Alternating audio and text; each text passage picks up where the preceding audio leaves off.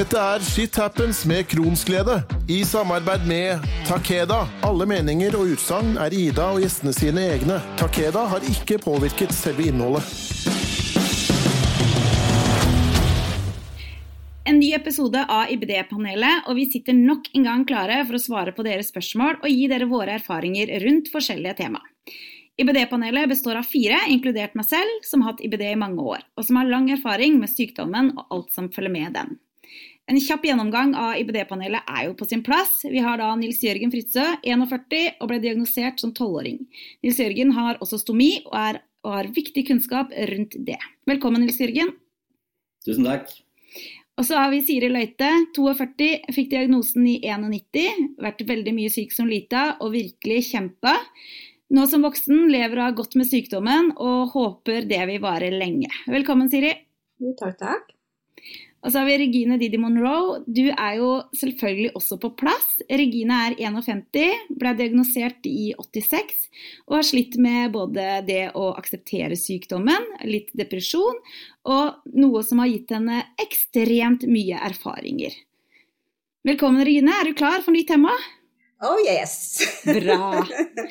Og så sist da, i, um, sist i IBD-panelet så har jo da meg sjøl, Ida Vinstad, ble da diagnosert som 17-åring. Og så er jeg da eier av podkasten. Og jeg har jo virkelig også måttet kjempe meg litt tilbake både til verdighet vil jeg jo si, og selve livet pga. veldig mange år som syk. Men temaet for i dag da, det er jo ganske stort, og vi skal snakke om det som heter undersøkelser. Eh, for hva vi må gjennom idet legen skal utelukke eller bekrefte en IBD-diagnose, eh, er jo ganske mye. Eh, før jeg starter, så vil jeg komme med en liten advarsel. For mange av oss i panelet har jo erfaringer med undersøkelser som kanskje ikke er så bra. Derfor derfor er det viktig at dere som hører på denne episoden, vet at dette her er egne erfaringer. Og selv om vi har disse opplevelsene, så betyr det ikke at din erfaring vil bli lik. Mange gjennomfører disse undersøkelsene uten vesentlige problemer. Eh, vi skal iallfall gjøre det vi kan for å gi dere de tipsene vi har for å komme gjennom dette på en best mulig måte. Hva skjer idet vi kommer til f.eks. fastlegen? Det tar vi utgangspunkt i nå. Eh, vet at det er mange som ikke er innom fastlege, men som da blir akutte syk. Og, da foregår jo alt det vi skal snakke om nå på sykehuset. Men vi ser for oss at du drar til fastlegen med symptomer fra magen, og legen tar jo da selvfølgelig en liten prat, kjenner gjerne litt på magen, før han bestiller blodprøver. Og da, Nils Jørgen, eh, erfaringen din rundt blodprøver, har det egentlig gått greit, syns du? Ja, eh, jeg var eh, som tolvåring ikke veldig tøff eh, når det gjaldt noen verdens ting inne på sykehuset. Så, så dette, med, dette, med, blodprøver var noe jeg grua meg til veldig, veldig, veldig. Og vi måtte gjøre det ofte. Eh, så eh, jeg benytta meg jo av denne Emla-kremen, som dere sikkert alle husker. Som eh, mulig er en falsk trygghet. Og for mamma som måtte sitte i 45 minutter hver gang før blodprøven ble tatt, så, så er det en liten tålmodighetsprøve. Men det var en liten trygghet som jeg hadde i forbindelse med blodprøver. Mm. Siri, dine opplevelser om blodprøver, eller erfaring? Eh, litt samme som Nils Jørgen på akkurat den biten der. Den Emla-kremen, det, det, er et navn du lærer deg ganske tidlig. Mm. eh, og var vel litt trist den dagen jeg skjønte at dette får du ikke lenger, for nå er du såpass stor at nå må du bare klare de greiene her. Um, syns det har vært litt trøblete i alle de åra egentlig med blodprøve. Jeg har aldri vært noen fan av det. I dag så er vel den armen så nedstikket at jeg kjenner det ikke engang. Nei.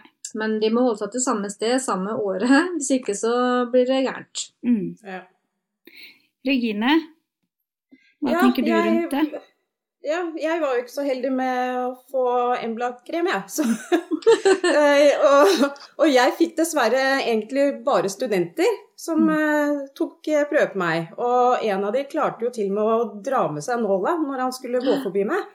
Så han klarte å vri hele nåla. Eh, mm. Sånn sett, så Og det var eh, Da sa det stopp for meg mm. eh, med å være tøff når det gjaldt å ta blodprøver. Det skjønner jeg. Men nå så går det faktisk greit. Og som Siri sier, så er det kun én åre som eh, fungerer for meg. Mm. Eh, ellers så har jeg ikke noen årer som de kan Nei. bruke. Nei. Jeg var jo også, eller var, jeg vil si, når jeg ble diagnosert, da, så skulle ta disse blodprøvene de aller første gangene når jeg kom til fastlegen, for det var aller først hos fastlegen eh, før jeg ble innlagt samme dag, så eh, gikk jeg sikkert eh, seks-sju mil før de i det hele tatt fikk satt den blodprøva. For jeg kjempa som om jeg skulle kjempe for livet, altså. Jeg var så Mm. livredd for den, det stikket. Da var jeg 17, eh, og mamma og tante var med den dagen. Og så mamma sier de husker fortsatt hvordan de Altså, de jobba så med å prøve å få meg til å sitte rolig. Det var et bitte, bitte, bitte lite stikk. Eh, allikevel, jeg skulle jo bare ha CRP og de vanlige små tinga. Men det var helt, helt forferdelig. Eh, og så gikk jeg fra å være der til da å bli lagt inn, hvor du blir stikket hele tida, og hvor jeg fort skjønte at jeg, jeg, jeg har ikke rett og slett ork til å kjempe den Mm. kampen hver eneste gang. Så jeg eh, resignerte litt, egentlig. Og så blei Mm. det Nå gjør meg ingenting. Overhodet ingenting. Men Nei. igjen, det er én arm, én åre. Ja, Og det er jo fordi eh, veldig mye Jeg har hatt veldig mye tarmhvile, hatt veldig mye blodprøver. ja. Nils Jørgen? Ja, Et lite tips, da, for det er jo ofte det stikket man er redd for. Mm. Eh, ikke sant? Og eh, Det man kan spørre om hvis man er veldig veldig redd, det er å få en, en, eh, en type sprøyte eller en type nål som heter butterfly. Mm. Den er litt tynnere enn en, eh, en vanlige blodprøvenåler. Eh, Så ulempa er at det tar litt lengre tid, men da blir stikket litt mindre smertefullt. Og så har de en liten sånn slange ut fra nålen som gjør at altså, de får ikke bevegd like mye på nålen som de gjør med en vanlig blodprøvenål. ja, den det bruker jeg. Ja. Ja, det er et eh, godt eh, tips, ja. Og det er faktisk veldig bra, altså. Mm. Så vet jeg eh, på Rikshospitalet, der hvor sønnen min eh, går og tar blodprøver, så bruker de jo lystgass. Og det må jeg jo si at selv om det bare er til barn der nå, da, så tenker jeg at eh, fy søren, tenk hvor fint det hadde vært for alle de som var livredde for å ta blodprøver. For redselen er ikke noe mindre er du redd for å ta blodprøver om du er eh, 53, så er redselen like stor om du er 7. Så jeg tenker at det tenker jeg er noe som burde vært egentlig jevnt over, for det gjør det mye lettere for dem, altså. Ja, det er helt klart. Det legene sjekker ofte etter, er jo da blodprosent, mangel på enkelte næringsstoffer og CRP, og da senkning. Så jeg tenker kanskje vi skulle forklare så godt vi kan, da. Nå er jo vi overhodet ingen leger, men vi kan prøve å forklare forskjellen på dette her og hensikten på de forskjellige tinga. Siri, blodprosent, eh, hva er det, og hvorfor tar legen den prøven? Eh, blodprosent altså vi har, Mange av oss har vel hørt eh, ordet hemoglobin.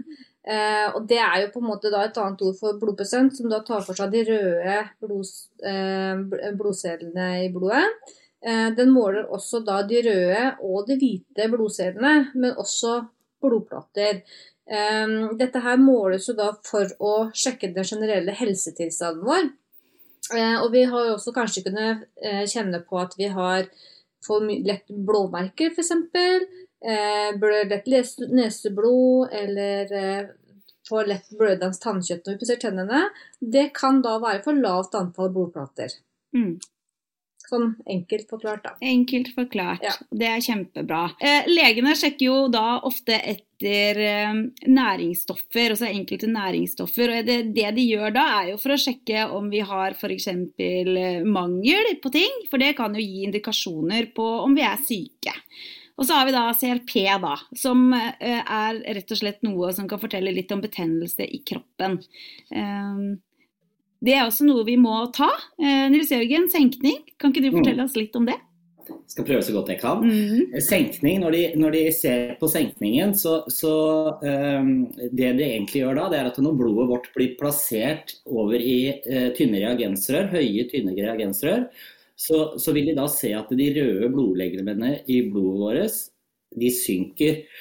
Og eh, hvis man har betennelse i kroppen, så vil ofte eh, cellene og røde blod, de vil kapsle seg, slik at eh, eh, de, de røde blodlegemene de faller eh, raskere hvis man har betennelse i kroppen, enn hvis man ikke har det. Så, så det er vel en måte da å få eh, eh, måle hvor mye betennelse du har i kroppen, rett og slett. Men så er det jo noe som er ganske viktig å si, da. eh, Og det er at mange kan jo være veldig syke uten at det gir noe spesiell utslag på disse blodprøvene. Derfor så bruker jo dette ofte bare som en start av utredninga. Eh, Hvordan er erfaringene deres her? Har blodprøvene dere visst alvorligheten i sykdommene deres? F.eks. Regine, da. Har blodprøvene dine vært like dårlige som du har vært, eller åssen har det vært med deg? Eh, ikke alltid. Eh, men eh, første gangen så var den vel ikke det, eh, som jeg har fått fortalt. Så, Men eh, ellers så har den vel vært det. Mm. Men eh, det som skjer med, med meg sånn sett, er at eh, når jeg blir syk, så kommer det så veldig fort. Ja. Eh, så da er det ikke alltid de holdt jeg på å si, får se det i tide. Nei, ikke sant. Så, Mm. så det, det har vært litt sånn eh, opp og ned. Mm. Eh, Siri, hva er din erfaring? Um, jeg vil si eh, definitivt ikke. Um, det eneste som vi kan ha, kan ha fått en, en um, definisjon på det innimellom, det er i forhold til CRP-en. Mm. For Hvis den har vært veldig forhøya, f.eks., så har man fått en indikasjon på at man kanskje har en aktiv betennelse. Og det gjenspeiler seg at man er veldig trøtt, og jo høyere CRP-en er, jo mer trøtt og, og gåen blir man jo. Mm. Eh, Men, men jeg har jo hatt ganger som jeg har vært kjempesyk, eh, og alt av undersøkelser viser at man har en aktiv krons vi- via forskjellige eh, F.eks. MR eller andre, andre målinger. Men så kan du få blodprøven som kan være helt fine. Mm. Som ikke indikerer overhodet noen ting. Mm. Så, sånn at jeg, jeg, jeg har vel aldri egentlig stola helt blindt på blodprøver, da. Nei. Eh, nei. Det, det er jeg enig i. Mm. Nils Jørgen, din erfaring her? Eh, jo, I forhold til eh, blodprøver, så jeg har jo to diagnoser, som du vet. Eh, og I forhold til den eh, litt mindre kjente som går på lever og gallegang, så har jo blodprøver vært veldig veldig nyttig. Ja. Eh, det å måle leververdier og sånne ting, veldig klart synlig. og Det husker jeg jeg fulgte ekstremt nøye med på også selv, selv om jeg var ung.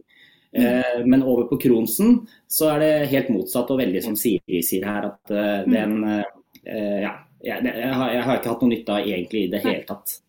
Mm. Og Det er litt av samme erfaringene jeg har egentlig sjøl. Jeg har vært kjempedårlig uten at det har vært noe utslag på både CRP, ingenting. Det eneste jeg alltid har, da, bestandig, det er lavt jern og og blod, blodprosent. For det er jo på en måte noe jeg alltid sliter med. Um, Ja. Og støtt og stadig må ha hjelp for, rett og slett. Um, men så er det sånn at vi går eh, ut av den eh, døra hos legen etter vi har tatt disse her eh, blodprøvene. Og så får vi gjerne da med oss en brun papirpose med noe oppi. Og i den brune posen så er jo innholdet noe som man blir godt kjent med om du har IBD. Noe du får ofte, og noe du må gjennomgå ofte. Vi snakker jo da om avføringsprøver. Siri, hva tenkte du første gangen du skulle ta en sånn test? Den såkalte fekaltesten, som de sier det. Eh, helt ærlig så syns jeg sperra vel øynene litt opp, og jeg syns det var, egentlig var litt nedverdigende at jeg nesten så å si sitte og grave min egen drit. Ja. Eh, for det er jo Ja, det blir jo nesten litt det det blir.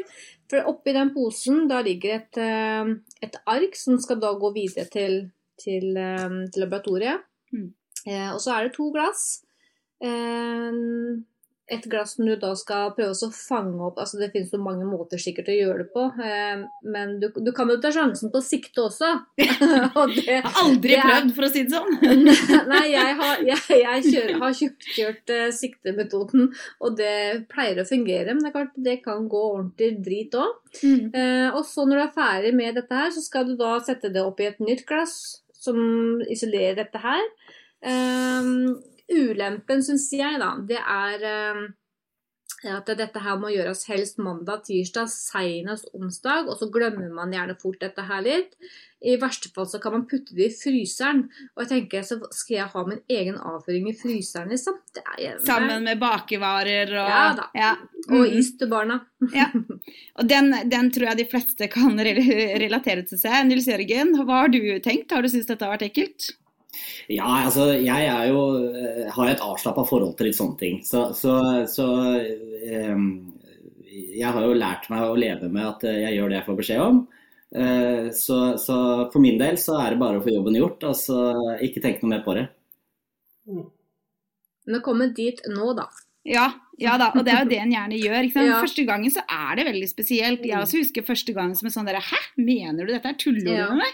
For det er jo litt sånn derre altså For det første så er det forskjell på om man får diagnosen som voksen, eller man får diagnosen som barn. For jeg tenker at som barn så skjønner du jo ikke hvorfor Det å begynne å grave i bæsjen sin er jo ikke noe man gjør, mens når du er voksen så skjønner du jo at det er en hensikt med. Men som barn så er det jo ikke det man tenker. Og som 17-åring så var det heller ikke det jeg tenkte man gjorde for å undersøke om du var syk eller ikke. Eh, Men Regine, eh, har du syntes det har vært ekkelt? Eh, nei, jeg syns ikke sant er ekkelt, jeg. Eh, men det Ja. Men eh, jeg tror jeg har misforstått litt når det gjelder hvordan man skal plukke det. Det har jeg skjønt. For jeg okay. gikk inn på det i går, og da Ja. så jeg på hvordan man gjør dette her. Og da var det mange som la et sånt ark Mhm. over toalettet som man skulle bæsje oppi, Å, og så plukke. Ja, sånn over toalettet, så man kunne bæsje oppi Ja. den, så ikke den falt ned i do. ja, ja. Men det, det sånn gjør tydeligvis ikke jeg. Så Nei, jeg gjør det på en helt annen måte. Så det blir litt mer disgusting. Ja. Men jeg har faktisk ikke noe problem med det, altså. Nei. Jeg har ikke det. Så det går eh, rimelig greit, for å si Mm. det sånn. Det gjør det. Bare den ikke faller i do før du klarer å Ja. ta tak i det. Og så har det jo veldig mye å si konsistens og alt her, og nå Ja. føler jeg vi er inne på skikkelig drittpott, rett og slett. Men, men ja. Men det er en del av det. Ja, jo, det er jo akkurat det det er. Ja, nei, uff. Men, men det er jo en vesentlig og viktig del, for det er jo ikke Ja. sånn at vi gjør denne undersøkelsen bare én gang, og så er man ferdig. Dette Nei, er jo nei, noe nei. som blir gjort uh, ofte. Um, og en viktig greie for å følge med på tilstanden, rett og slett, på sykdommen din. Ja, akkurat den syns jeg faktisk kan være en ganske god indikasjon da, Mm. eh, på de eh, verdiene som vi får eh, på de prøvene. Kan gi en Mm. veldig god indikasjon på hvor du står i sykdomsforløpet. Mm. Enda bedre enn blodprøver, syns jeg, da. Så er det sånn at Etter at vi har vært hos eh, fastlegen, så går vi jo gjerne hjem, venter på svar, rett og slett. Eh, Og når svarene foreligger, så blir man da gjerne henvist til sykehuset. Noen ganger så blir jo undersøkelsene du må ta, eh, gjort på poliklinikk. Men er du da kjempesyk, så blir jo det da gjort når du er lagt inn, ikke sant? sånn at du tar utredninga på sykehuset. Så hvordan var det for dere? For det tenker jeg er jo litt interessant å vite. Eh, Selv for meg så blei alt gjort på sykehuset. Jeg ble hasteinnlagt. Kom til fastlegen eh, aller første gang hvor jeg klaga på var kjempedårlig. Venta altfor lenge. Eh, Og blei lagt inn samme dag, og var da innlagt under hele eh, den derre eh, ja, perioden der, da. Så Siri, var du innlagt når du tok disse undersøkelsene for å finne ut av hva som feilte deg, eller var det på poliklinikk? Nei, jeg, jeg ble innlagt eh, ganske fort, men det tror jeg nok har litt med å gjøre at eh, søstera mi også var di- diagnostisert med samme Ja. Mm. Så man tok tak i det litt fortere med, Ja. med meg, da. Eh, Mm. For det her var jo som sagt på tidlig 90-tallet. Mm. Eh, Sånn at jeg ble lagt fort inn og fikk egentlig diagnosen veldig raskt. Ja. Det var ikke noe sånn mange måneder og år med, med prøver og undersøkelser, for de Nei. visste vel kanskje litt mer hva de skulle sikte seg inn på, tror jeg. Mm. Mm. Regine, hvordan var det for deg? Nei, jeg eh, som sagt, jeg lå innlagt jeg med i full fart sånn som deg. Så, Fordi jeg hadde jo på håper å si 80-tallet så hadde jeg en lege som ikke visste hva Crohns var. Ja. Eh, så det gikk så langt at eh, jeg var så tynn, så jeg ble innlagt med en gang. Og Mm. fikk jo egentlig ikke tid til å ta så mye prøver utenom den forferdelige Mm. slangegreiene. Mm. Og så var det rett inn på, på operasjonsbordet, rett og slett. De ser jo veldig mye der. Nils Ja, det Jørgen, gjør det. ja, det gjør det altså. Nils Mm. Jørgen, hvordan har din eh, erfaring vært? Var det poliklinikk, eller var det innleggelse? Eh, ved- De første gangene så var det poliklinisk. Eh, Det tok tre år for meg fra jeg ble syk til jeg ble diagnostisert. Mm. Så, så jeg gjorde de, de første gangene jeg gjorde disse undersøkelsene, var det via poliklinikk. Mm. Og din historie er jo den som er mest normal. Eh, for det, det er jo faktisk de færreste som blir lagt inn første gangen, og hvor de finner på en måte årsaken med en gang. Det sa de i hvert fall til meg. Jeg fikk jo på en måte diagnosen Altså de kikka opp i tarmen, og det var på en måte sånn, så var diagnosen der. Og det sa legen ikke var ofte. Ofte så tar det år før man får en diagnose. Eh, så jeg tror nok din eh, erfaring er mer den som er normalen. Ja. Så er det jo sånn at eh, Koloskopi er jo en av de mest kjente undersøkelsene som vi med EBD må gjennom. Eh, Siri, vet du hvor mange ganger du har gjort eh, koloskopi? Har ikke peiling. Nei. Det der har jeg kommet ut av for, eh, for lenge siden. Det har blitt noen i løp, det har Ja. det. Siri? Nei, Siri sier Regine. Hva- Nei, det er akkurat det samme. Jeg har ikke anelse. Nei. Så Mange. Too many. Ja, eh, ja det, det er jo eh, en ærlig sak. Ja. Nils Jørgen? Jeg eh, ligger rundt oppimot 50 ganger. Mm. Oi, du husker det òg, ja? Ja, ja, jeg har gått igjennom det i forbindelse med et foredrag jeg skulle holde, så jeg vet ja. ja. Mm. Selv så, ja, og selv også, så er jeg over 50. Da slutta jeg å telle.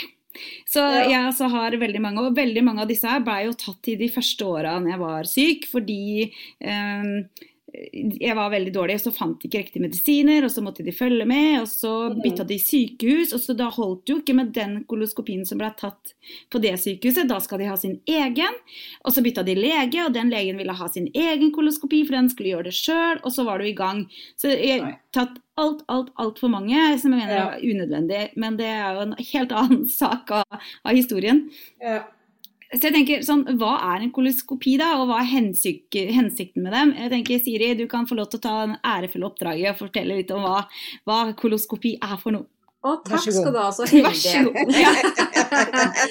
ja, nei, jeg fikk for hvert fall den biten her, og så slippe å ta den eh, på ordentlig nå, da. Ja. Nei, altså koloskopi det er jo eh, ganske enkelt forklart eh, en, eh, et ganske langt eh, sort rør med et kamera på, som man fører inn i endetarmen og oppover i eh, hele endetarmen og gjerne opp i tykktarmen, hvis man får det til. Og det er jo for å se hvordan det står til innenfra i tarmen, med f.eks. både eh, betennelser og innsnevringer, eh, fistler Altså det, er mange ting de kan eh, Polypper Det er mange Mm. ting de kan stadfeste da, med å ta Mm. en koloskopi. Dette her med koloskopi er jo eh, for mange en undersøkelse som kan være ganske tøff. Jeg har vært ganske ærlig om eh, min opplevelse. Eh, men så er det jo sånn at det er ikke bare det at det er smertefullt, men det er jo tøft også fordi du må tømmes helt for avføring i tarmen først. Hva skulle du ønske at du hadde visst om den tømningsprosessen, Regine? For den syns jeg de snakker veldig lite om. Ja, eh, det med drikkingen og, og sånne ting, Mm. det Ja. Jeg visste at eh, man måtte drikke, det var jeg fullt klar over. Men, Mm. eh, men smaken, eh, og spesielt den kvalmen, eh, det var vel egentlig da på det verste. Og den, eh, det smertefulle ved den dogåingen som du Mm. må når du drikker dette her. Eh, det syns jeg, var, det synes jeg var vondt. Mm. Eh, fordi at som regel når jeg tok det, så var jeg allerede dårlig eh, i magen fra før av. Så da kan du tenke deg, når du ganger det opp Mm. med dette her eh, Så da var det liksom morgenen, og så var det både kvelden, og så skulle du ta dette her Mm. prøvene i tillegg. Mm. Du var jo totalt utmattet. Mm. Altså rett og slett, altså. Ja. Du klarte jo nesten ikke å fungere. Nei. Og du måtte fortsette å drikke og drikke og drikke. Og det var, for meg, jeg klarte faktisk ikke å drikke alt sammen, altså. Nei. Eh, Siri, din opplevelse om eh, altså, Hva tenker du? Hva var det verste ved tømmingsprosessen for deg? Det er jo det- Jeg også syns at det er det drikkegreiene, fordi at du må ha eh, såpass mye Altså, det er litt forskjell fra, fra Jeg syns det har endra seg litt, da, i Mm. forhold til tømming i dag kontra 20-25 år siden. Men jeg syns fortsatt ikke det er bra nok.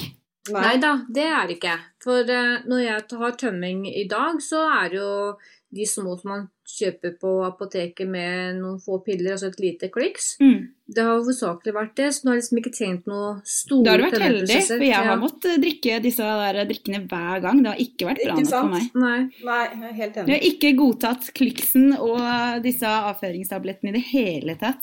Så det Nei. er Ja.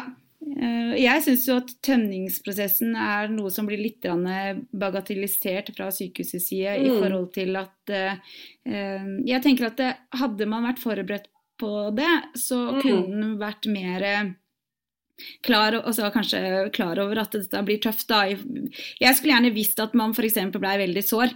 Jeg har slitt ekstremt med å sprekke opp rundt endetarmen når jeg blir for mye doturer. Ja. Um, og det har for meg vært uh, nesten det verste. For ja. når du da i tillegg skal få ut dette her som er relativt sterkt for magen, det er Eh, veldig, veldig veldig vondt. Um, mm.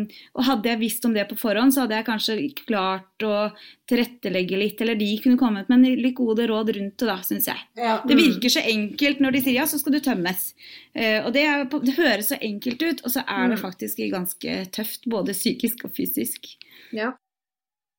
Men det er enkelt når de forklarer det. Ja, det er det. Ikke sant? Det er jo det ja. som er hele poenget. Mm. Så, så, du får deg et litt av et sjokk når det ikke ja, er så enkelt. Mm. Nils Jørgen, dine erfaringer her? Ja, eh, nok en gang da, disse sykepleierne og disse legene de har vel mest sannsynlig aldri gjort denne tømmingen selv. Nei, nettopp. Så, så, eh, sånn som jeg husker den, så, så, for å forklare de som lytter, så er det snakk om å drikke opptil to liter saltvann. Mm. Som skal ned på rundt en times tid. Ja, det er vel ikke sånn de gjør det nå, tror jeg. Jeg har ikke vært borti Salta på mange, mange år. Det var, det var, sånn. Men nå så får du eh, Det er rett og slett eh, et pulver som du blander i vann. Mm. Eh, som smaker eh, ikke veldig Det er litt sånn både, både salt og søtt på en gang, syns jeg. Veldig, ikke, ikke, noe veldig god smak. Det skal visst være tilsatt et eller annet. Noen sier det smaker sitron. Jeg, ikke, jeg vet ikke hva det smaker. Det smaker Den blir hva sa du? Det smaker ja. ikke godt i hvert fall. Nei, den gjør ikke det. Eh, og så blir den litt sånn eh, litt sånn der tjukk konsistens, i hvert fall den Nettopp. jeg har pleid å ha. Og det, det, er et glass som skal ned. Det er ikke noe særlig mm. mer enn en det, men det skal gjøres to ganger. Ja. Um, og det, også I tillegg da, så er det jo disse tablettene, og så uh, setter det virkelig fart på magen, altså. Ja, ja Siri? Eh, apropos det, det, som Jørgen tok opp der i forhold til det mm. saltvannet, den, den, den sitter sterkt i minnet. For den det var en veldig meg, vanlig prosess før. Mm. Eh, den dag i dag så klarer ikke jeg å drikke spreit. Nei. Og jeg kan heller ikke drikke Farris. For det minner om saltvann. Ja. Sånn at det For at du får den saltsmaken, mm. og den kjenner jeg igjen i enkelte produkter. Og det kan jeg fortsatt en dag da ikke klare å få ned. Mm. Eh, og det også var jo ting som man måtte gi opp til slutt fordi de måtte sette inn sonde eh, og mm. få det ned på den måten istedenfor. For jeg klarte ikke å drikke det. For, og du skal ha ganske mye, da. Og det er, det, det er beintøft. Så heldigvis, mm. jeg har ikke sett noe til det saltvannet på Det er mange år, altså. Mm. Nils Jørgen, fortsett eh, Nei, jeg tror ikke det heller. Fortsett litt med dine tanker rundt dette. Ja, takk Gud for at uh, utviklingen går videre, og at vi finner uh, bedre prosesser. Uh, men det er jo en grunn til at vi gjør denne tømmingen, og det er jo selvfølgelig for at legene skal få et så klart bilde som mulig opp og gjennom tarmsystemet vårt. Og, og, den psykiske biten bak det òg, som jeg husker veldig godt fra da jeg var liten, var at jeg var så redd for at jeg, jeg ikke var tømt nok. Mm. Ikke sant? At ikke de ville se ja. noen ting. Ikke må gjøre det en gang til, liksom. Ikke sant? Ja, ikke sant? Ja. Den renseren der husker jeg var litt sånn tøff. Ja, at, uh, ja altså den der følelsen at ikke du har gjort det bra nok. da, At de ja. liksom skal bruke tid på deg. og så, uh, For den hadde jo, hadde jo, eller har, uh, er ikke like mye nå, men da også så var det en voldsom respekt overfor de legene. ikke sant? Så jeg mm. følger deg i den, altså. Mm. Det var veldig bra sagt, for den, den, den, den, var fæl, altså. Hvor du mm. var redd for å måtte gjøre det om igjen. altså. Ja. Og gjerne så går du kanskje litt på do altså rett før undersøkelsen når du har kommet ja. inn på sykehuset f.eks. Og så tenker du shit, uh, har jeg ikke gjort dette Ja. Ikke sant? Den er, den er litt ubehagelig. Mm. Ja. Mm. Men jeg tenker at eh, med bedre eh, veiledning og bedre informasjon, da, så kunne dette vært eh, litt lettere for dem som må gjennomgå det. Ja. Og så kommer han seg gjerne opp da på denne benken med da en bukse med hull bak fram, eh, og klar da på å få en slange med kamera opp i rumpa. Eh, jeg har vært ganske åpen om at det har vært eh, relativt beintøffe opplevelser for meg. Jeg skal ikke fokusere så veldig mye på det i dag, men jeg ønsker at dere skal gjøres oppmerksom på at dette er deres kropp. Det er du som skal gjennomføre dette, og du må stå på krava dine. Jeg mener jo at alle eh, som mistenker IBD, eh, eller alle legene da, som mistenker IBD hos noen, burde fått undersøkelsen i narkose for å skåne pasienten mest mulig. Hva tenker dere egentlig i forhold til dette her? Det er jeg egentlig helt enig i. Fordi eh, eh, når du har i tillegg en plaga tarm, Mm. eh, så blir en koloskopiopplevelse ofte enda verre. Mm. Og jeg Mm. tenker for at de skal kunne få det bildet og den, eh, det resultatet som de er på jakt etter, så mener Mm. jeg at det er mest hensiktsmessig at man kan få narkose. Heldigvis i dag så har det også blitt litt mer vanlig. Jeg vet det Mm. er flere som har fått det, som, som overhodet ikke klarer å gjennomføre det på en vanlig måte. Og da er Mm. narkose redningen. Som var det dessverre ikke når Nei. jeg vokste opp. Nei. For det var overhodet ikke mulig å få til. Men heldigvis igjen da, så utvikler det seg litt. Ja. Altså det jeg Mm. vet da er jo at eh, Ofte så kan man få narkose, men da skal man gjerne ha gått gjennom ganske mange eh, alle undersøkelser allerede og opplevd dette her som ganske fælt. Ja, Og da tenker jeg at da er Ja. halve vitsen borte.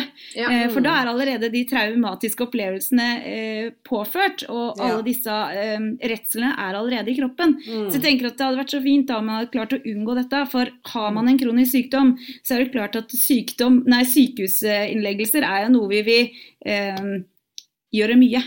Eh, Ja. Derfor så er jo det en eh, fin ting å kunne slippe.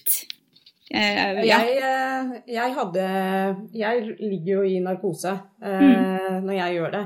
Men det som er trist, er at man liksom må spørre om det. Mm. Så de som ikke vet om dette her, de, altså de, de gjør det uten å, uten å få det. Og sånn Mm. er det faktisk fortsatt den dag i dag. Så når jeg var så heldig uten å krangle meg til narkose, da var jeg så heldig at de fleste gangene så har jeg hatt de samme sykepleierne Mm. som har vært der inne sammen med meg når jeg har gjort det. Mm. Og de er faktisk de som har sett hvor grusomt jeg har hatt det, liksom, Mm. og, og, og liksom sagt ifra. Og da har de liksom vært med og sagt at vet du hva, det skal du få. Mm. Uten Mm. at jeg måtte eh, krangle om det. Mm. Så det er litt eh, viktig det der med at eh, Ikke bare det, men det er også viktig fordi at eh, når du er helt ny også, så er i hvert fall sånn som jeg var, så er du litt sånn Litt sånn tilbake Ja. og litt naiv og litt redd og sånn, fordi at du har litt respekt, ikke Ja. sant. Og da er det vanskelig å spørre om det, fordi at Mm. du, du tror at liksom Hjelp, tør jeg det, liksom? Og så er det mange leger som kan se litt sånn brysk på deg hvis du spør om Ja. det òg. Absolutt. Så det er så viktig er at de opplyser om det når de sitter på et kontor Mm. På, på, på sykehuset og forklarer det. Ja. At de kan For faktisk Siri- få det. altså. Ja, absolutt. Hva sier Hvilke muligheter er det egentlig man kan få for å eh, gjennomføre disse undersøkelsene på en litt bedre måte? Ta oss Mm. gjennom det. Mm, Man kan jo få beroligende. Mm. Men, men, eh, og jeg har også fått beroligende som en har sovna litt av. Mm. Men Ja. det, for min del så fungerer det også dårlig fordi at en våkner av det når Mm. de presser seg Ja. gjennom svinger som, som er eh, veldig smertefullt. Mm. Og da Ja. er det jo lite hensiktsmessig igjen. Og da, klart, da blir det jo et um, ja, en smerteopplevelse som man ikke har lyst til å ha, Mm. og prøver Mm. å kove seg litt bort. Og da kommer jo ofte da litt den der holde fast og, og klemme på Mm. at de må ligge rolig, sånn at de får, får gjennomført bildet. da. Ja. Og jeg tenker at eh, eh, for barn så kan jo sånne ting være veldig traumatisk. Eh, du, du føler deg ganske avkledd i, Mm. en sånn situasjon, med, med at noen faktisk skal opp i endetarmen på deg, og eh, Ja, kan, bare den er kan oppleves skummel og traumatisk for eh, både voksne og barn. Ja, jeg tenker Det er i hvert fall ekstra viktig å ta hensyn når det er barn og unge som skal Mm, gjennom sånne ja. ting, for å tilrettelegge for ikke sette helt skrekken. Mm. Ja. Nå vet jeg jo at de gjør det på barn under narkose nå, men eh, Nils Jørgen, hva, hva tenker du?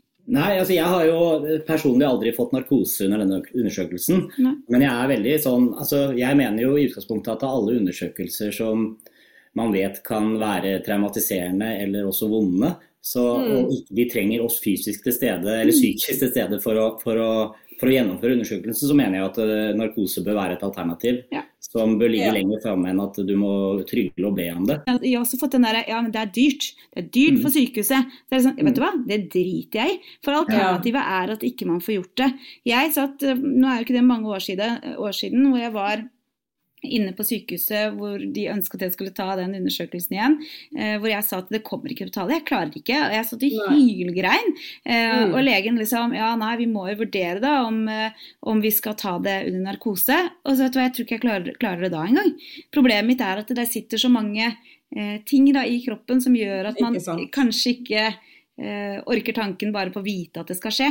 Jeg tenker at vi, vi har en lang vei å gå her, det er i hvert fall sikkert. Um, vi må håpe at det kan bli mer eh, normalt å velge den der narkosen aller først. Ja, i forhold til eh, Jeg har som sagt aldri hatt eh, narkose, men jeg har, jeg har vært på en måte frekk nok og freidig nok til å be om så mye beroligende og dop at jeg har vært ordentlig svingstang der jeg har ligget. Ja, og sånn sett har jeg kommet meg greit gjennom undersøkelsene på den måten.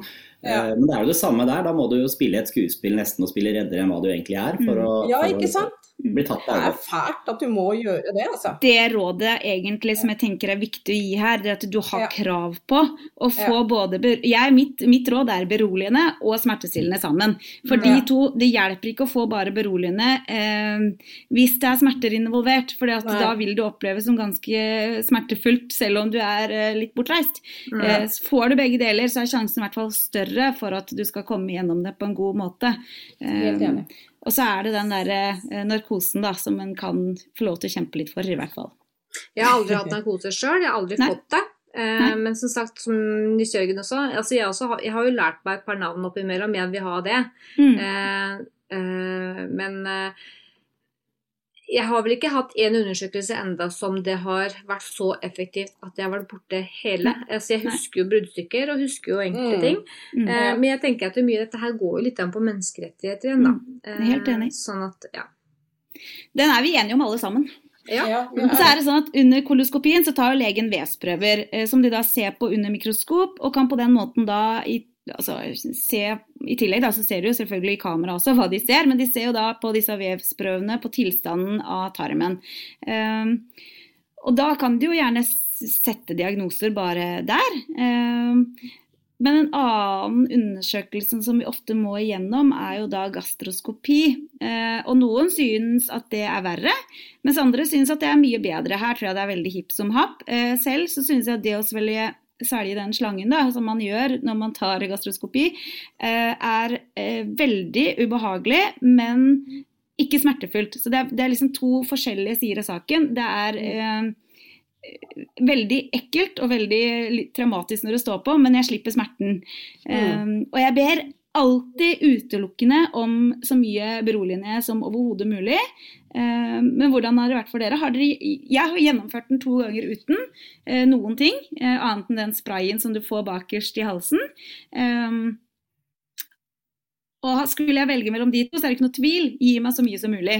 Hva er deres Mm. erfaring her? Med eller uten? Med. Med. Med. Helt klart. Ja. Ja, ja. Mm. For, eh, for min del så, så uh, har jeg gjort undersøkelsen både med og uten. Og helt, helt klart uh, be om så mye beroligende og alt du kan få. Uh, jeg syns gastroskopi har vært verre enn kolonskopi. Mm. Mm. Men man kan man Det er vel noen som også kan få eh, narkose under en gastroskopi? Helt, ja, ja, ja, absolutt. Jeg tror det, Jeg mener de kunne tatt alle undersøkelsene under én narkose. Når de først er i gang, ja. ja. Det er jo på samme avdeling, så det hadde spart oss for veldig mye, for når man først kommer inn, da, så er man jo ikke frisk. Nei, eh, og jeg må jo snakke om det mange ganger før også. når Idet du begynner, kommer inn og blir innlagt på et sykehus, så er du jo syk. Men idet de der undersøkelsene er ferdig, så er du jo bare enda sykere, fordi du er jo helt utmatta. Mm. Men denne undersøkelsen ja, den foregår jo ganske likt som den man får opp i rumpa. Du får den bare ned halsen. Og legen kan da på den måten både sjekke munn og svelg og spiserør, magesekk og tynntarm. Um, hva har vært viktig for dere for at det skal ha blitt en så god undersøkelse som mulig? Eh, Nils Jørgen? Nei, For meg så har det vært en sånn altså, eh, Etter hvert så gjør man seg noen erfaringer. Så jeg har jo vært eh, For det første så har jeg lært meg, og det gjelder alt annet i livet òg, at, at jeg prøver også å uh, utsette både bekymringer og frykter fram til undersøkelsesdagen er der. Eh, ikke, altså du, du, det hjelper på mange måter ikke å grue seg for lenge, prøve å tenke på andre ting. Eh, og så er det helt klart det å tørre å bruke stemmen din og, og eh, ta i bruk det du har krav på. Mm. Be om, be om uh, smertestillende, be om uh, beroligende. Mm. Uh, vær så langt borte som mulig når undersøkelsen setter i gang. Mm. Siri? Jeg er helt, helt enig i den. Jeg tenker at både smertestillende og ganske sterkt beroligende er veldig viktig for å kunne eh, klare å få gjennomført en sånn undersøkelse da, på best hensiktsfulle måte. Mm. Eh, både for pasientens del og også for, for de som utfører det. Mm. Um, ja. Sånn at det, det er noe med å være litt flinkere til å stå på kravene sine, og det er det mange som ikke tør, fordi Mm. at de får bli ja, men dette går så fint, eh, vi prøver uten. Ja. Men jeg tenker at hvis man da er redd, eller har kanskje vært igjennom det før Noen tar jo den uten at de syns Ja. at den er noe i det hele tatt, Mm. og det er også et alternativ. Mm. Men, eh, men om man er veldig redd eller ikke tør, så be om det du har krav på. Mm. Jeg er helt enig. Regine, ditt beste tips for å gjennomføre denne undersøkelsen på best mulig måte? Når eh, jeg skal ta den prøven, så er jeg som oftest veldig sårbar Mm. fordi jeg har vondt. Og det som er viktig for meg da, er at jeg har med partneren min. Fordi at eh, som regel da så er jeg altfor sårbar til å spørre om å få ting. Mm. da er det bare at jeg sier ja, og så legger jeg meg der uten å tørre å spørre. Mm. Fordi må jeg krangle med de, så begynner jeg bare å gråte. Ja. Blir, da blir jeg så liten. Mm. Så for meg så er det viktig med den partneren som, eh, som tar over for meg Ja. når jeg trenger det. Mm. Det er superviktig. Det er nummer én, altså. Og for meg også så vil jeg jo si at eh, jobben til den sykepleieren som står ved siden av, eh, Mm. den er jo superviktig. Gjør den dama Mm. eller mannen en god jobb, så Ja. er jo eh, den undersøkelsen lettere å gjennomføre enn om du Mm. får en kald, hard stokk som står ved siden av deg, og som ikke på en måte verken For meg så har det vært veldig viktig at de snakker rolig til meg, forklarer at nå har vi kommet så og så langt, pust med magen. Gjerne holder handa mi, ikke sant. Snakker Ikke at du sant? får puste, slapp av. Det er Ja. de tinga der som har betydd veldig, veldig mye for meg, i hvert fall. Mm. Og det trenger du når du er inne på rommet, fordi at som regel får, så får ikke partneren din være med inn. Mm. Så da trenger du den, den sykepleieren til å holde deg i hånden. Mm. Så, og da sier jo også partneren fra liksom at hun er sånn og sånn, Mm. liksom gjør det og det. Mm. Så uansett så har jeg vært veldig heldig sånn sett, da. Fordi Mm. da ser de at denne personen trenger mer hjelp Ja, enn en, enn vanlig, liksom. Mm. Så vært heldig sånn. Veldig godt poeng det hun kommer med der. At det kan være Mm. lurt til sånne undersøkelser generelt, om det er gastroskopi, koloskopi Ja. eller hva det enn måtte være. Ja. Om det er tarmserie, altså MR. Ja. altså Ha gjerne en med deg. Mm. Eh, og grunnen til det er også hvis du får beroligende eller noe å slappe av og sove på, så er det ikke alltid du husker eller får med deg hva legene har sagt. At du har med en som er helt klar i huet, som kan videreformidle den beskjeden til deg når du kommer til deg sjøl igjen. Ja, Eh, så det er viktig. Mm. Mm. Jeg er helt enig. Superviktig. Ja. Superviktig. Og det har skjedd med meg. Ja. Det, de jeg har liksom sittet og sagt ting til meg når jeg har sittet etter omtrent, våkner opp etter en narkose, så prøver de å prate til meg. Altså, Ja. Da blir det litt sånn hallo. Ja. Du får ikke med deg den infoen, Ja, skjønner du, og det er det som er. Ingenting. Ja. Så må du spørre igjen i etterkant, og det Ja. Ja. Det er helt Så er det sånn at I tillegg til disse undersøkelsene som vi nå har vært igjennom, da, så har vi kapselendoskopi, vi har ultralyd, MR, CT, røntgen og sikkert eh, flere. Um, Mm. Jeg tenker at jeg kan si litt om kapselendoskopi, for det er kanskje en av de, de som blir brukt eh, mer og mer, og vært eh, veldig skånsom, i hvert fall for min del. Det er jo rett og slett en liten eh, kapsel som man svelger, og som tar mange, mange, mange, mange bilder på veien ut. Um, ulempen er at du må bære med deg et apparat da, som tar på en måte og får bildene, men jeg syns det har vært en veldig grei løsning, i hvert fall. Og så er det som er det aller gøye nå, det er jo at vi skal få lov til å svare på noen spørsmål. Eh, for vi har jo fått spørsmål eh, fra de som hører på. Eh, og først ut så er jo da ei som heter Wenche, og hun grua seg veldig, eller gruer seg til en koloskopi i august. Hva er deres tips for å få gjennomført det på best mulig måte? Hva har du om her, tanker om her, Gine? Eh, Det virker om, som kanskje det er første gangen, da, eller det vet jeg ikke. Om koloskopi? Ja. Hva, hva, at hun gruer seg, mener du? Mm.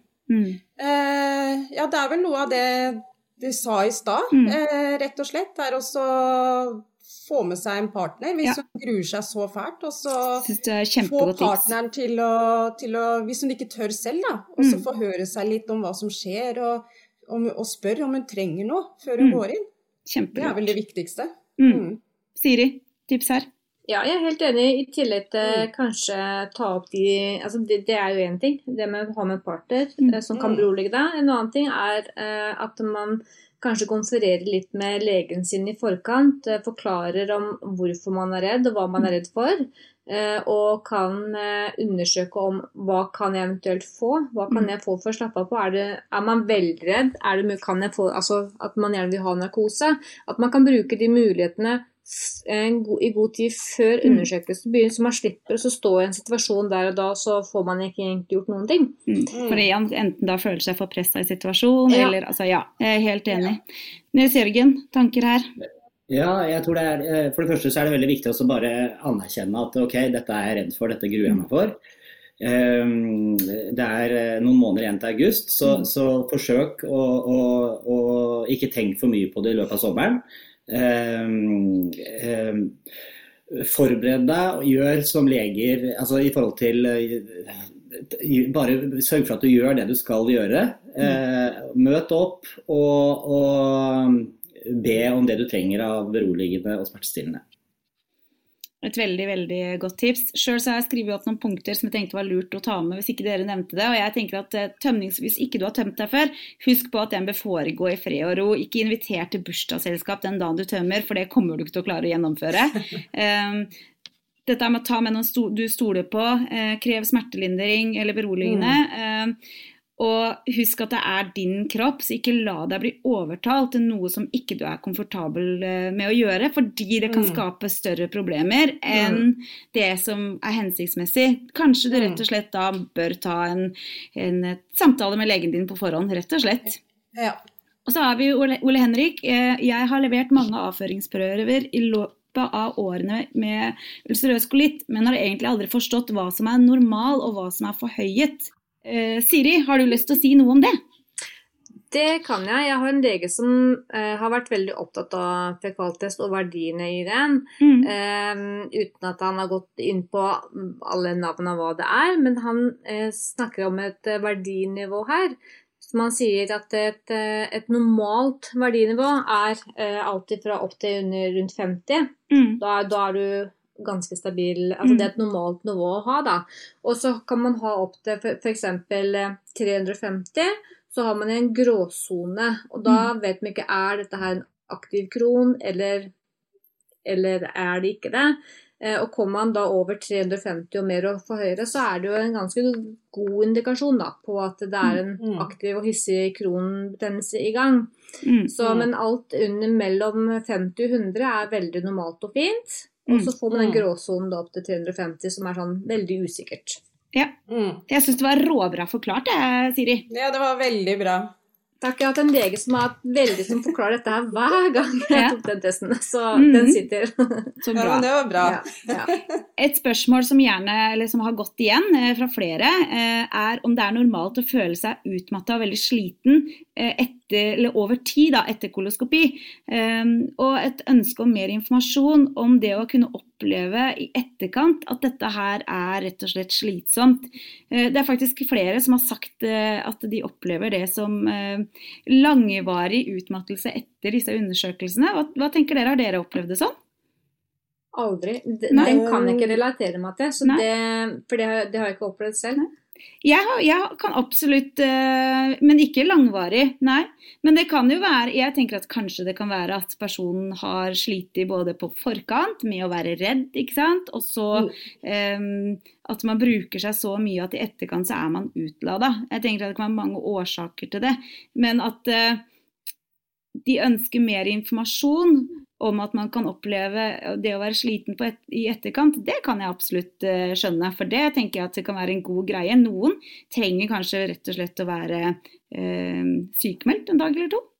Men da tror jeg det kanskje ligger litt mer til grunn, eh, grunn der, hvis det varer så lenge. Jeg kan liksom ha minimum to dager. Ja. Eh, I hvert fall den ene dagen kan jeg ligge rett ut Mm. med hodepine og vondt ned, langt ned i skuldrene og, Ja. og sånne ting. Og med ja, ting over øynene og sånne ting. Men, men det varer ikke mer enn to dager, så er det greit. Så, så da ligger det sikkert muligens kanskje noe annet til grunn der, som gjør at du er litt slapp, eller Men da kan man jo kanskje se at alt kan være normalt her, tydeligvis. da, fordi altså, etter jeg har hatt en undersøkelse, så er jeg på beina igjen, og så er det hjem, og så leverer, Ja. gjør jeg akkurat sånn som vanlig. Ja, ikke Mm. sant? Ikke Ikke noe, ikke noe bieffekter av det, da. Nei. Nei.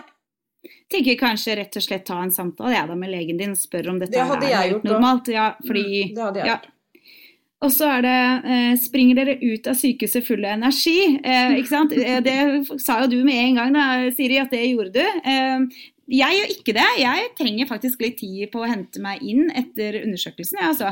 eh, men ikke noe mer enn liksom Mye er jo gjort de første dagene. Men jeg blir fryktelig sliten. Og jeg tror det har også noe med at man Eller jeg vet i hvert fall at jeg bruker meg veldig under den tømningsprosessen. Eh, Mm. Og sliter også med å få i meg mat og komme i gang etter undersøkelsen. Og det gjør Ja. det jo ikke noe lettere. Da hadde jeg klart å begynne å spise og fått energinivået opp, så hadde Ja. det gjort litt lettere. Nils Jørgen, Mm. åssen har det vært for deg? Jo da, det er jo noe med det at det er jo eh, Det vi gjør her, det er jo å ta en kropp som i utgangspunktet er syk og kanskje sliten fra før av, og så tømmer, tømmer vi den. Mm. Eh, Så det er klart at det gjør noe med, med energinivået. Mm. Samtidig som det, det psykiske aspektet her, at du er veldig redd og nervøs i forkant. Mm. Så For min del så har jeg opplevd Jeg har alltid vært veldig letta når jeg er ferdig. Mm. Eh, Og også veldig sulten, så jeg har jo spist meg veldig kjapt opp igjen. må jeg bare si. Eh, Så sånn sett så er min energi kommet ganske raskt tilbake igjen. Men, men, men det er klart det er utmattende, og det er klart det er, det er tøft eh, for våre syke kropper. Mm. Der styrer vi ganske likt på de Ja. tinga der, ja. Mm. Og så har vi Sverre, Sverre da, som ønsker å gi et råd om å ha beskyttelse i bil på vei hjem fra undersøkelser, for mange opplever fortsatt eh, tømninger selv etter at de er ferdig undersøkt. Og det å ha uhell i en slik situasjon er ikke alltid en god situasjon. Um, og det er jo virkelig et uh, godt tips, for det mm, er jo noe jeg snakka litt om tidligere også. Uh, for det er, jo, det er jo ikke sånn at uh, idet du går ut av døra så er du ferdig, altså skal på undersøkelsen, så er du ferdig med å tømme deg. Eller, altså, Nei, nei, det, er, det er jo ikke så enkelt. Nei, det er det ikke. Og når vi da er inne på dette med tips og råd, da, eh, hva er deres tips i forbindelse med undersøkelse, Siri? Starta med deg. Eh, I forhold til etterpå, tenker du på? Ja, i forhold til generelt, ja. Med dette her med undersøkelser, på en måte. Nei, altså Det er jo den der eh, forberedelsesbiten som vi snakker om, som gjelder da i forhold til det meste rundt, eh, rundt Crohns og IBD generelt. Det er Mm. forbered gode forberedelser i forkant, i hvert fall hvis man er engstelig og usikker. Noen er ikke det og tar det som det kommer, og der er vi jo forskjellige alle sammen. Mm. Eh, er man engstelig og gruer seg, så gjør de forberedelsene man kan i forkant, Mm. og også i etterkant. At man Mm. kan være forberedt på de tømmingsprosessene som er veldig leit å skal skyte ut bil på vei hjem, da. eller taxi, hvis det er det du Mm. må ta hjem fra sykehuset. Absolutt. Så ja. Så der er, det, der er det de forberedelser man kan være beredt på, da. Mm. Mm. Regine? Nei, jeg, jeg ville ha ordnet sånn at eh, i hvert fall noen kunne kommet og hentet meg, eh, siden eh, jeg må legges i narkose og litt Mm. forskjellig. Så i hvert fall få det ordnet. Mm. Eh, og så vil jeg også ha, eller som jeg har også, er eh, Dette høres litt rart ut, men jeg har jo hund, så jeg bruker tisselakken for hund. Mm. Både i bilen Mm. og eh, i sofaen noen Mm. ganger. Hvis eh, ja, det har nesten gått skeis noen ganger, så, Mm. så, så man må det, altså. Ja, ja, ja. Man tar det man haver, er det ikke det man sier? Jo, rett og slett. Nils Jørgen? Eh, mitt beste tips er å ikke være redd for å spørre.